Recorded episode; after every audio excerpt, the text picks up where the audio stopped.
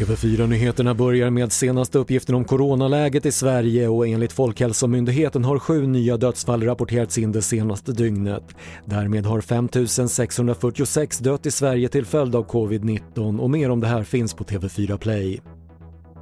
En 28-årig man döms för mord till 16 års fängelse och utvisning efter avtjänat straff. Han greps i januari efter att en 33-årig man hittats död i en lägenhet i Visby.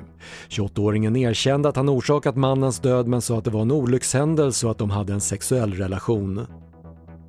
I Ukraina har en man tagit omkring 20 personer som gisslan på en buss. Mannen som uppges vara försedd med både sprängmedel och skjutvapen ska ha tagit kontakt med polisen men det är oklart vad mannen är ute efter.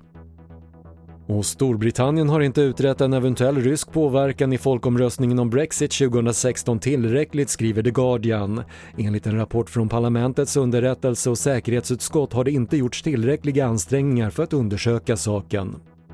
Det var det senaste från TV4 Nyheterna. Jag heter Patrik Lindström.